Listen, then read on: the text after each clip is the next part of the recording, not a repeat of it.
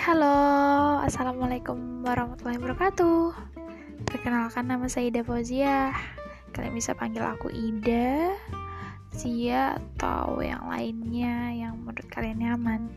Nah, di sini aku bakal temenin kalian dengan cerita-cerita yang pastinya bakalan seru karena ini cerita pengalaman yang bener-bener pernah aku alamin, mungkin kalian juga pernah ngalamin atau orang lain pernah ngalamin.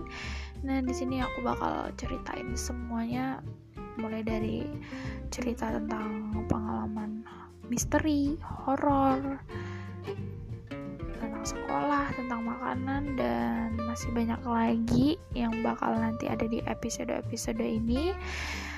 Dan selamat bergabung teman-teman. Terima kasih.